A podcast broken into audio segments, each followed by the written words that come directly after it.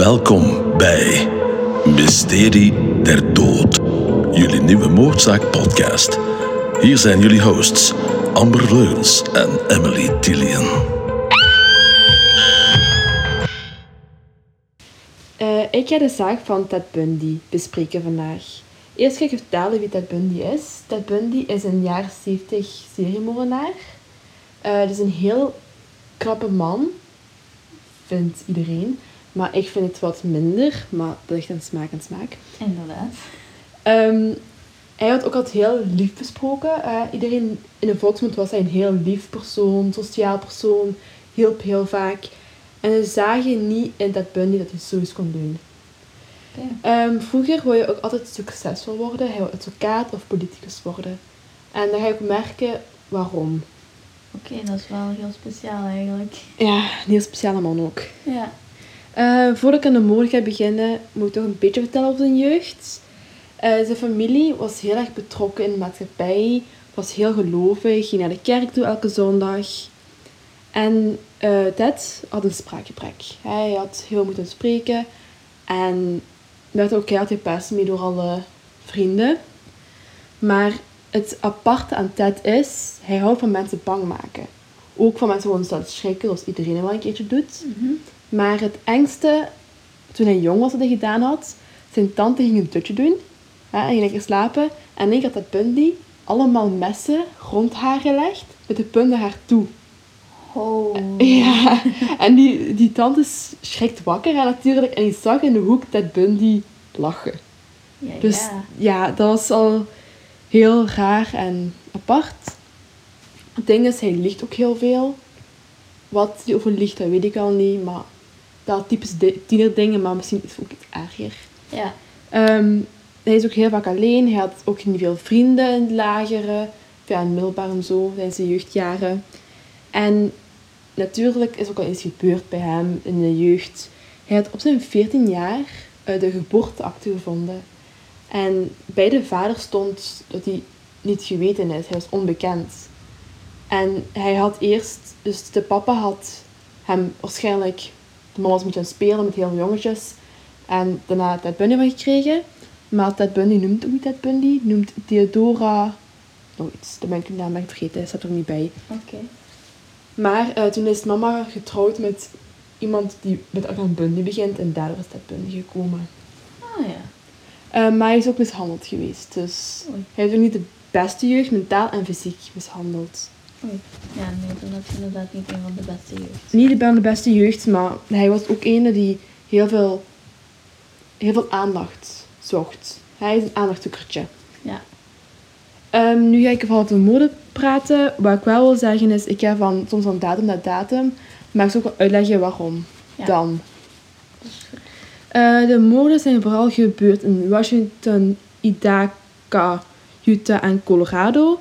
Van Idaho heb ik niet echt iets gevonden, of ja, niet echt over gesproken, maar het is wel gezegd geweest voor heel eventjes. In 1966 heeft Ted een universiteit gedaan in psychologie en hij heeft een bachelorette diploma gehaald. Daar heeft hij ook een vriendin gekregen, Diana, of Diane. Ehm, en een, relatie. En had ook een heel goede vriend, Marlon. En dat is eigenlijk een broer van hem. Ja, zo, echt zo'n goede vriendschap. Ja, close. Heel close. En alles wat hij had, heeft Ted ook. Hij had dan een, auto, in diezelfde auto. Hij, ging- de Marlon ging rechten studeren. Ted ging ook rechten studeren. Hij is ook net niet afgestudeerd met, met rechter. Net niet. Amai. Na een tijdje ehm, heeft Diana de relatie verbroken met Ted. En Ted was helemaal kapot gegaan. Maar ze bleef wel even een tijdje brieven sturen. Maar een tijd heeft Diana het ook afgezegd. Hè? Die heeft toch gezegd van, nee, toch liever niet. En ehm Ted was helemaal kapot. En dan komt het belangrijkste eigenlijk. Eh, Ted had eigenlijk daardoor de juiste mensen gevonden wie hij wil vermoorden eigenlijk. Ja. En dat waren mensen, meisjes, alleen vrouwen, die heel jong zijn met bruin of donkerblond haar, die heel mooi zijn en een middenscheiding. Dat is altijd zijn typetjes. Oké. In eh, 1974 in Seattle, in april, is de eerste persoon vermist. Dat is Linde Ann Heavy. Zij is laatst gezien om middernacht ehm, door zijn vrienden. Die was daarvoor op stap geweest. En was daarna met zijn vrienden weggegaan. Ja, door naar huis gegaan. Hè. Ze woonden samen in een huisje. En de, de volgende dag kwam ze niet op werk. En dat was niet normaal voor, voor Linde. Maar ze zijn gaan bellen naar de vrienden van, hey, waar is ze?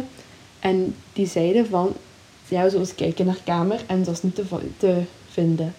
Maar alleen wat er gevonden was, was een bloedplek op het hoofdkussen. Oh ja. En meer was ook niet gevonden van haar. Dan in juni was er een nieuwe vrouw vermist. En zij was laat gezien in een steegje. Iets na middernacht. Gevaarlijk. Heel gevaarlijk. Ga maar een keer in de middernacht een steegje rondlopen. Inderdaad. Dat is al sowieso heel eng. En zeker als een vrouw. Ik, is- ik ben wel een naam vergeten van haar, wat ik al jammer vind. Maar van Nederland dat weten we ook niet. Er is geen bewijzen, geen sporen, niks. Ehm, dus mensen begonnen een beetje bang te worden en kwaad van wie zijn deze moordenaars? Waarom in één keer zoveel vermiste mensen? Want ja, eigenlijk wisten ze nog niet vermoord waren, waarom vermist? Ja.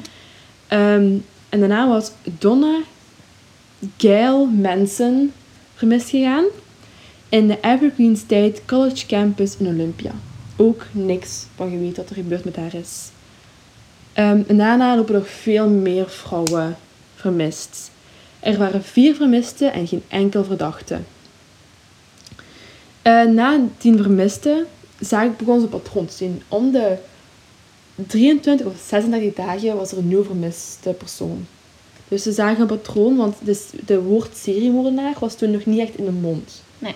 Ze kenden het nog niet echt zo heel goed. Eh, nu ga ik naar de datum van 1980. Dat is een hele sprong. Ehm maar Ted, om eh, zijn straf te uit te kunnen stellen, heeft hij een journalist gezegd van als je een journalist, zul ik alles bekennen. En er kwam een journalist en die hadden heel veel gemeen. Begonnen te praten op tapes, die kon je ook echt horen. Ehm we begonnen een beetje gewoon te praten op het begin. En hij vroeg van, waarom vrouwen? En hij zegt van, dat hij vrouwen veel beter vindt dan mannen. Wat heel raar is eigenlijk, vind ik. Ja. Dan had hij ook gezegd dat hij 60% vrouwelijke vrienden had en 40%, 40% mannelijke vrienden. Ja, wie telt dat nu weer uit? Je, je gaat toch niet zeggen, hm, hoeveel vrouwen heb ik hier? 1, 2, 3, 4 en dan een eh, Ja, En alleen. andere- Ja. ja, dan zou ik nu eens niet doen, zo mijn percentages uitrekenen van mijn vrienden. ik vind het ook maar raar. Maar ja, dat, Dat is een rare keer. dat is een rare kerel. Ehm, dan had hij ook verteld van Liz. Hè? Hij had hem, in, op, hij, hem haar in een bar ontmoet. En ze hadden een relatie gestart, maar waren bijna getrouwd, maar niet helemaal. Liz zit in een Mormons, familie, in Mormons gezin. Dat is iemand van een godsdienstelijke dingen, mensen. Ja. En zij was heel zachtmoedig. En 14 juli 1974 in Lake Samames State Park, Washington, was er een heel groot feest. Ehm, en er waren één keer mensen verdwenen. De feest was ook een plek waar heel veel eetstandjes waren, waar ze konden echt gaan dansen en alle gekke dingen doen als tiener. En het voelde daar veilig en er waren tien mensen vermist. Denise Naslund en Janet Ott. Tot nu toe waren er acht vermissingen in Seattle. En omdat de politie het een beetje moeilijk kon te vinden van zoveel vermissingen, hebben ze de taskforce ingezet. En ook de vrouwelijke Katie MC Chesney. Heel moeilijke naam, kan niet Ja. uitspreken. Ehm, die was vooral om te verhoren, omdat ze vrouwelijk was, wilden ze een vrouwelijke verhoorder hebben. En er kwamen heel veel bewijzen uit die, ding, uit die twee verdwijningen. Er waren heel veel ooggetuigen. Ze zagen een man met een hand in het gips rondlopen en aan vrouwen vragen als die hem konden, konden helpen om bij de parking bij zijn boot, om daar eens te gaan helpen. En de Janice, weet ik niet hoe die vermist was, die was gewoon in één keer verdwenen. En Denise lag op het strand met zijn vrienden en twee meter verder was een wc en zij ging daar naartoe en was verdwenen. Oké. Dan eh, terug naar 1980. Ehm, in de gevangenis Florida, hè. Ja. Hij wilde nog steeds niet praten over de moorden. Dat jammer was, want de journalist wou heel graag dingen beginnen te weten, stilaan. Heel fel zelfs, echt niet normaal. En hij had een idee. Hij zegt, spreek in de derde persoon. En dat gaat daarmee akkoord. En nu ga ik een paar dingen zeggen wat hij gezegd heeft. Slecht vertaald, sorry daarvoor, maar het gaat wel duidelijk maken wat hij bedoelt. Toch duidelijk. Dus hij pakt de recorder dicht bij zich en begint in de microfoon te praten. Om de honger te stillen dat hij na de volgende moord voldaan zou zijn. En de keer daarna, of de keer daarna. Daarna zegt Ted eigenlijk nog een verhaaltje wat hij heeft meegemaakt. En hij zegt, hij zag daar een meisje lopen en parkeert zijn auto. Rende naar hem toe. Rende naar haar toe. Ze draait haar om en zwaait met een mes en zegt wat ze moest doen wat hij zegt. Begon haar te wurgen tot ze haar bewustzijn verliest, zodat ze niet meer kon gillen. Eh, ook toen die verhaal gebeurd was, had Liz ook een telefoontje gebracht naar de politie. En ze zegt, hij vertelde eens dat hij een student volgde, maar dat hij dat niet wilde, maar toch deed.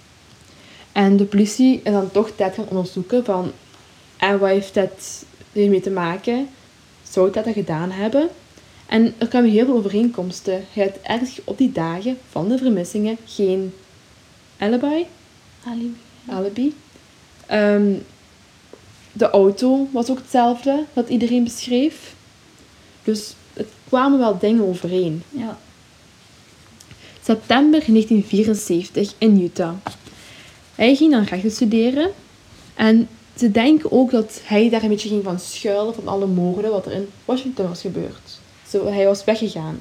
Maar natuurlijk, daar stopt het niet bij. Hij is een seriemoordenaar, dus moet wel verder gaan. En er was een Midville meisje vermoord. Melis Smits. Ze was met haar vriendje naar een restaurant gegaan, ging naar wc toe en was verdwenen. Daarna waren er nog twee vrouwen vermist. Nally Wilcox en Laura Amy. Of Amy. En Laura Amy is later teruggevonden. Oké, dus er is één iemand teruggevonden. Er zijn meerdere mensen Meerdere teruggevonden, maar dat komt... Ja, nee, dat ga ik niet zeggen, denk ik. Nee, dat, dat is niet gezegd. Er zijn heel veel paar mensen gevonden Maar door scouts die in een bos zijn Ja. gaan lopen. dat is waar. Toen zijn er veel mensen gevonden. teruggevonden. Ja, maar die Laura, die is... Ik denk dat hij ook daar teruggevonden was. Oké, Ja, die was ook teruggevonden. die... Heftig wel. Ja, maar ook wel fijn voor de familie, hè, dat die Ja, teruggevonden is is ook. eigenlijk wel, ja. Voor de begrafenis en... Maar ja, ze zijn nog niet voldaan, hè. Ze willen weten wie dat gedaan heeft nu, hè. Dat is het belangrijkste. Dat is het belangrijkste, dat zou ik ook wel willen. Ehm, op 8 november 1974, Karel de Ronge. Deze persoon heb ik echt mega veel respect voor. Zij is kunnen ontsnappen van Ted. Wauw. Zij moet nu een grote trauma voor het leven hebben. Ja. En ik ook verhaal vertellen wat er gebeurd is en hoe zij ontsnapt is. Dus Karel eh, ging naar het winkelcentrum om te gaan shoppen, winkelen en zo. En er kwam een man op haar afgelopen en zegt, ik ben de politie. En er is net in jouw auto een, een diefstal geweest. Daar er is iemand ingebroken. Kan je een keer meekomen om te kijken als er iets gestolen is? En zij gaat mee. En je kijkt in de auto en er was niks verdwenen. En toen zegt de, de man van... Ja, zou je naar het bureau komen? Want de, de dief hebben we naar het bureau gebracht. Ja. En ze begon het snel een verdacht te vinden en zegt... ehm, zegt van... Bewijst dat ja, identiteitskaart en die badge dat ze hebben. En hij laat een badge zien, dus hij vertrouwt hem. En stapt een auto, wat geen politieauto was. Maar, En toen dacht ik van, ah, misschien is hij undercover. de cover, ja. Dus zij gaat mee en die reed niet naar het politiebureau. Die was weg aan het rijden. En in één keer stopte de auto en begon haar te wurgen. En zij is kunnen ontsnappen om door de klink te gaan zoeken. En heeft het open gedaan, sprong eruit, liep het bos in. Natuurlijk, dat rende achter haar aan, hè. Waarschijnlijk. Maar zij is in een andere auto gesprongen en gezegd, ga naar het politiebureau, nu. Ja.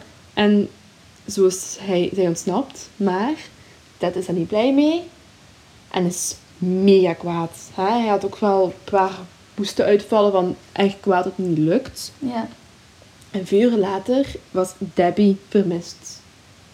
Ook iemand van, het- van de universiteit vermist. Oei. En in de buurt waren handboeien gevonden. En ik wist niet zeker als zijn lichaam er ook bij was. Dat wist ik niet meer zeker. Maar de handboeien, en dat was waarschijnlijk dat ook gebruikt bij Karel. Ja. Augustus 1975, opnieuw in Utah. Bob Highwand, Highwand een politieagent, eh, zag een Volkswagen rondrijden. En die vond hij een beetje verdacht. Dus die reed achter hem aan en die een teken van, eh, kan je aan de kant gaan? En die reed toch door. En uiteindelijk is hij toch kunnen stoppen. En heeft hij in een cel gestopt natuurlijk en heeft de auto onderzocht. Wat kwam hij tegen? Een bruine sporttas, een skimuts, een ijspriem, dat is zo'n bijtelachtig iets voor ijs, Ja. een gescheurde, en gescheurde lappen stof. Het is niet normaal om in een auto te Dat hebben. hebben de meeste mensen En als ze dan al liggen. geen link zetten van, hmm, waar zou dit in de auto liggen? Ja. Maar ja, politie van die tijd, Niet iedereen is even slim. nee. Ehm, Ted Bun- Bundy werd verdacht sindsdien en moest in een line-up gaan. En Karel stapte binnen en had meteen hem uit kunnen kiezen. Ja. Hij heeft mij ontvoerd. Ja. Hij is het. En het rare was, de mensen die hem kenden, geloofden haar niet. Niemand geloofde dat Ted zoiets zou kunnen doen. Niemand. Dat is wel bij veel moordenaars is dat wel zo spijtig genoeg dat de familie denkt van, Niet de dat zie ik familie. niet, vrienden. Dat is meer dan gewoon de stadsdingen. Ja, Iedereen, hè, dacht dat hij onschuldig was. Niemand Ja. dacht van, hmm, hij er is zoveel bewijs dat hij dat gedaan heeft kunnen hebben. En, hmm, ik geloof het toch niet. Ik vond dat verdacht, maar ja, ja dat is... ik denk dat dat meer tot mening is. Ja. 21 oktober 1976 Mhm. is hij beschuldigd op moord van Karijn Campbell van de Wildwood Inn. Hij verd, zij verdween toen zij is iets gaan halen in de, niet in de lift, maar eh, ze ging naar haar kamer toe en in de lift was zij verdwenen. En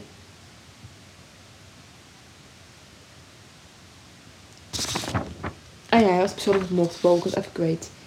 Ehm, toen werd Ted's huis onderzocht en zagen dat er ehm, folders zaten van de Wildwood Inn.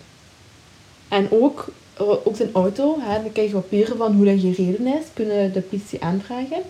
En hij was ook in die tijd in de buurt van de Wildwood Inn. En hij is gezien in de lift met, door andere mensen. Dus hij had al heel veel dingen tegen hem. Ja. En de rechtszaak kwam. De rechtszaak was bezig en daarna komt er een kleine pauze na. Mm. En door dommigheid van de mensen die nu bewaakten, is Ted Bundy ontsnapt om door een raam te gaan. En dat bewijst nog maar eens dat hij schuldig is. Want als je niet schuldig bent, gaat je niet zomaar weglopen. Ik vond het ook, maar ja. Wie ben ik? Ja, Hij is wie toen- zijn wij? Ja, echt. Zes dagen vermist. Die man heeft zes dagen kunnen rondlopen. 30 december 1977 ontsnapt hij opnieuw. Oh my god. En dat is niet normaal hè, hoe hij ontsnapt is. Hij is door zijn dak gegaan van een cel. Een cel. Hij is op boek gaan staan, door het dak gekruipt, doorkropen en weg kunnen ontsnappen. Het is een cel. Dat hoort normaal gezien mensen binnen te houden. Er moet geen enkele manier vrij kunnen zijn. Hoe kan een gevangene door een dak gaan? Allee, Ja, dat snap ik ook niet. En nogmaals, bewijst dat hij schuldig is. Want als je onschuldig bent, gaat je niet zomaar uit een cel ontsnappen. mm, ja, daar ga je gewoon blijven. Maar er komen nog speciale dingen op dat hij gedaan heeft. Oké, ik ben benieuwd. 16 dagen vermist. 14 januari 1978. In één keer waren eh, in Florida twee vrouwen vermoord. Ehm, die waren in de kamer waren gaan slapen en in één keer werden ze verkracht en vermoord. Twee vrouwen op dezelfde dag. Maar ook twee hebben het overleefd. Dat was zo'n, ook wel zo'n jeugd waar op heel veel jongere mensen zitten. Ehm, En de politie was daar, ging alles onderzoeken. En een paar straten verder opnieuw moord. Die kon niet stoppen, hè? Nee, precies. 40 dagen vermist. En dat is al heel lang, hè? Ja. 9 februari 1978. Een 12-jarig meisje, Kimberly Diana Leach, vermist. Oei. Zij is wel teruggevonden. Dat kan ik wel zeggen. Oké. 46 dagen vermist. Opgepakt, maar de politie wist niet wie hij was. Ja, er was een politie, hij, iemand vond die verdacht en houden hem tegen. En hij had een vals ID. Maar dat hadden ze op een bepaald moment door dat er iets vals was. Ja. En ging daarvoor in het gevangenis. En hij was zijn naam me niet opgeven. Maar zonder naam, weet je niet wie dat is. En hij zegt, ik zal mijn naam vertellen als ik een belletje moet doen met Liz. En hij belt met Liz en vertelt wie hij was. Daarna was Kimberly gevonden en aangeklaagd. 19 mei 1979, nog steeds voor de moord op eh Karen Campbell, ehm, was Michael Minerva de verdedigingsadvocaat. Stel je voor dat jij hem kan verdedigen. Ja. Ja, dat is bij elke advocaat zo. Maar hij vond het bewijs wel twijfelachtig. Hij vond het niet bewijs van, dat is zo sterk bewijs dat hij dat gedaan heeft. Het kan ook allemaal toeval zijn. Nee, maar dat is wel veel toeval, vind ik. Dat is, ja, maar je moet echt zo goed bewijs hebben. Ja. Ja, je zou echt, echt foto's moeten hebben van het moment zelf om echt keihard bewijs te hebben. Ja, En dat is spijtig genoeg niet altijd. spijtig genoeg niet, nee. Dan 1 juli 1979. Er was nieuwe verdedigingsadvocaat Margaret Good. Maar, ik moet wel zeggen, dat Bundy was ook zijn eigen verdedigingsdingen. Wat natuurlijk dom is. Inderdaad. Dat is niet slim, dat is niet een goede aanpak, want ja, jezelf verdedigen, wie gaat u geloven? Ja. Het wo- uw, uw woord tegen uw eigen woord. Ja. Ja. Maar er was ook altijd een vrouw in de, de rechtszaak en dat was Karel Ann Boon. Daar komt iets speciaals mee, maar dat vertel ik straks wel. Oké. Dat is een hele goede vriendin van Ted. Oei, oei. Hij moest nu naar de rechtszaak gaan, nog een keer. En hij is zichzelf opgesloten. In de cel. Je had een nat wc-papier of papier in de deur, ge- zo de, de deur, sleutelgatje gestoken. Hm. Dat- Zodat niemand meer Dat binnenkomt. niemand binnenkomt. Ja, Oké. oké. Het is ook een normaalste gang van zaken tegenwoordig, blijkbaar. Na een tijdje is wel uit te gaan en toch naar de rechtszaak moeten gaan. 24 juli 1979 heeft de jury na zes uur en een half te denken en te, en te bespreken van wat, wat ze gaan doen, hebben ze hem schuldig verklaard. En daar moet de, de rechter hè, gaan zeggen van levenslang of doodstraf. Ja. En, wat krijgt hij? Doodstraf. Doodstraf. Hij gaat dood. Gelukkig. Ja, dat, ja, dat moet je nu toch niet meer tegenkomen s'nachts, denk ik. Zo iemand. In s'nachts komen we hem niet Overdag tegenkomen. ook niet, nee. Je wilt je inderdaad nooit van je leven tegenkomen. Zelfs niet in de rechtszaak, want je- er komen blijkbaar heel veel mensen, ook heel veel vrouwen, naar de rechtszaak kijken naar hem. Ik zou eerder mannen daar zetten, want hij, doet, hij heeft dat op Maar nee, dus soms, je kan echt gewoon zelf naar de rechtszaak gaan, hè. Echt? Niet als jury per se, maar Oh. daar kon je blijkbaar ook gaan. Ah, ik moet zeggen, de rechtszaak is gefilmd. Alles wat, jullie, wat ik zeg, is echt gefilmd en kan je ook gefilmd. echt zien. Oh. Dat is wel cool. Ja. Voor te bekijken, voor te zien hoe dat het gegaan is. Want, En dan zie je ook heel veel mensen daar zitten. En ook, het is, het is ja, meer dan vijf, ja, 50 jaar geleden bekend. 40, 50 jaar geleden. Dus die gang van zaken toen is heel anders dan de gang van zaken van nu. Ja. Dus dat is ook wel leuk om zo te leren van hoe dat ze toen deden. En zeker bij zo iemand als Ted Bundy. Ah ja, oh, ik ben nog steeds te zeggen. Die ehm Karel Ann Boon, hij, zij dacht dat dat Ted onschuldig was. Dus zij geloofde nog steeds dat Ted onschuldig was. Maar dat terzijde. Ja, maar dat is de beste vriend. En dan, ja, Ja. ik weet niet of ze toen in een relatie zaten of niet. Oh, ook dat nog. Ja, dan, kan ik wel geloven dat je zegt dat die onschuldig is. Ja, die waren echt heel close. In november 1979 wordt Ted beschuldigd van de moord op Kimberly Leach. Er was heel veel bewijs. Er waren ooggetuigen, wit busje met bloed aan, kleding van haar en schoenafdrukken. Oké. Hè, daar is een rechtszaak rond en in één keer zegt dat... Karel, wil je met me trouwen? Dus die heeft Karel ten, ten huwelijk gevraagd tijdens de rechtszaak. Tijdens de rechtszaak. Is een rechtszaak. Waarom? Denk ik dan. Dat komt, dit komt nog, wordt nog erger. Daarna is hij opnieuw schuldig verklaard op de moord op Kimberly Leach. En krijgt opnieuw de doodstraf. Dus hij heeft twee doodstraffen op zich zitten. Hè? Ja, twee, dat hè? is wel niet goed. En het erge, ja, het erge wat ik vind, eerlijk gezegd, is... Hij heeft zoveel moorden gepleegd. En ze hebben nooit bewijs kunnen vinden. Dus ze, denk, ze weten dat hij veel meer moorden gepleegd heeft. Maar ja. Dus hij zal nooit echt op rechtszaak kunnen doen. Maar ja, toen dat toch al dood is, wel goed genoeg. Ja, Maar ja, je moet wel weten, hè. Als moeder, als je kind vermist is, wil je Ja. toch wel je kind vinden en weten zeker niet dat hij dat gedaan niet heeft. dat het gedaan heeft. Eén, belangrijkste, je kind terugvinden. En twee, belangrijkste is weten wie. Want stel je voor dat die allemaal zeggen, ja, het is toch Ted Bundy. Zij dat het toch door iemand anders geweest is. Ja, stel je voor, stel je voor dat misschien, stel je voor dat hij in totaal 60 moorden heeft gedaan, zeggen ze, maar dat er 10 daarvan door iemand anders zijn gedaan. Ja. Maar zij zeggen dat die 10 ook door hem zijn gebeurd. Dat is erg, hè. D- Dat is heel erg. In 1981 eh, is ook gezegd geweest dat hij geen schuldgevoel had over wat hij gedaan had. Hij had geen gevoelens daarover, vond dat doodnormaal zou nog steeds willen doen. En hij kreeg een kind met Ro- Karel en het kind noemt Rosa. Wel een mooie naam. Ja, maar stel je voor dat dat uw vader binnen Ja, een paar jaar dood is en ceremonie is. Ehm, hij heeft ook nooit echt toegegeven tot dit moment. Hij heeft niks toegegeven daarover. Oké.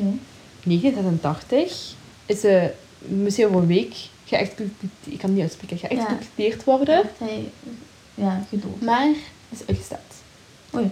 Ze zijn toch gaan bekijken voor psychologische kwaadjes in zijn hoofd. En En dan moeten we opkomen. Ja. Psychologisch uitgekomen dat hij een bipolaire stoornis heeft. En dat hij geen empathie kan voelen. En dat komt door misschien een tumor wat dat blokt. Dus hij heeft had geen empathie. En daarom heeft hij die moord gepleegd. Ik vind dat geen goede reden, want dan moest hij dat maar weten. Ja, en dan ook, dan zou je dat moeten onderzoeken en dan gaat je het uitstellen en dat is wat hij wilt. Ja. Hij wil natuurlijk niet doodgaan. Maar Dus het, zal, je- het een psycholoog gezegd geweest, hè? Ja, oké, maar ook al zijt je psychisch niet goed, je kunt het nog altijd niet goedkeuren. Er moet altijd iets gebeuren. Altijd. Je kunt het nooit goedkeuren. Nee. Dus, Ja. 20 januari 1989 was er nog voor uitstel gevraagd, maar is geweigerd. Het is mislukt, wouden ze niet doen. Toen begon Ted te bekennen. Toen begon Ted pas te bekennen over zijn moorden, om het toch uit te kunnen stellen. inderdaad. Maar het is mislukt. Oh. Dus ze waren wel slim genoeg. Ja, ik dacht dat ze zo dom zouden zijn geweest om echt eh, te laten doorpraten en dan het weer te laten Ja, maar ze hebben wel, hij is wel bekend, hè. hij gaat Ja. het bekennen. Hè. 20 januari 1989 heeft hij totaal 30 moorden bekend. Oh, Dus bekend. bekend. Ik weet niet dat ze allemaal gezegd zijn geweest. Dus ze zijn gezegd van, ah ja, die mensen, maar... Kunnen er meer nog zijn dat er nog 30 anderen waren. Kan nog zijn. 24 januari 1989. Het beste jaar van... nee, nee. Dat is ook natuurlijk, maar het beste jaar. eh, is hij geëxecuteerd om 7 uur. 7 uur. S ochtends of s avonds? Ik dacht s'avonds. Ik hoop s'avonds. Want ja, zijn avondmaal en al die shit. Ja, ja, laatste maal. Nationaal. Het, ex, het beste Het moment. Leuk moment, nee, niet een leuk moment, maar er waren zoveel mensen uit de gevangenis waar het eigenlijk gebeurde. En er zoveel mensen t-shirts aan verkopen. ja, hangertjes en al die dingen verkopen met Ted Bundy dood, Ted Bundy moet dood en van die dood, dood en al die shit erop, hè. Dus dat. En mensen, toen eh, hij geëxecuteerd was, En hij werd met een lijkswagen weggebracht. Liepen er mensen achteraan, maar geluk, want hij blij was hij dood was. Ja. En we weten ook hoe die mensen, hoe hij eigenlijk wou begraven worden, heel gecremeerd worden. Hè? En hij wil uitgestrooid worden op de Cascadegebergte. En het ding is, ze denken, er zijn ook een paar lichamen gevonden. En ze denken dat er nog meer lichamen liggen. Hij wil daar uitgestrooid worden. Nu nog. Dat? Denken er nog steeds. Dus dat er eigenlijk nu skeletten liggen van mensen die hij vermoord heeft. Ja, ik denk dat wel. Oké, dus hij wil ergens uitgeschud worden waar dat hij zijn misdaden heeft gepleegd. Ja. Klinkt eigenlijk logisch en dat je, als je hoort van wat voor een zot dat dat was. En toen die mensen ook gevonden waren, die waren allemaal verschillende mensen bij elkaar, maar een paar meter van elkaar af of zo. Ja. Dus die had echt wel plekken. dat is eng. Oh, dat is creepy terwijl dat we bezig zijn over een moordenaar. Oh lord, dat is echt creepy. Ja, die had echt gewoon een paar meter verder wel de skeletten gevonden. Dus die had echt een plek waar hij vermoordde. Niet vermoordde, maar gewoon neerlegde. Of... Neerlegden of ja, de lichamen Ja, dat was... verborgen hield. Ik heb wel niet gezegd hoe hij, mensen vermoordde. Hij begon te werk, wurgen, verkrachten en worden geslagen. En dat wa- was hun dood. Dat was een dood. En dan voor de rest weten ze ook niet echt meer. Ze denken, ze denken dat dat gebeurd zo is. Ja.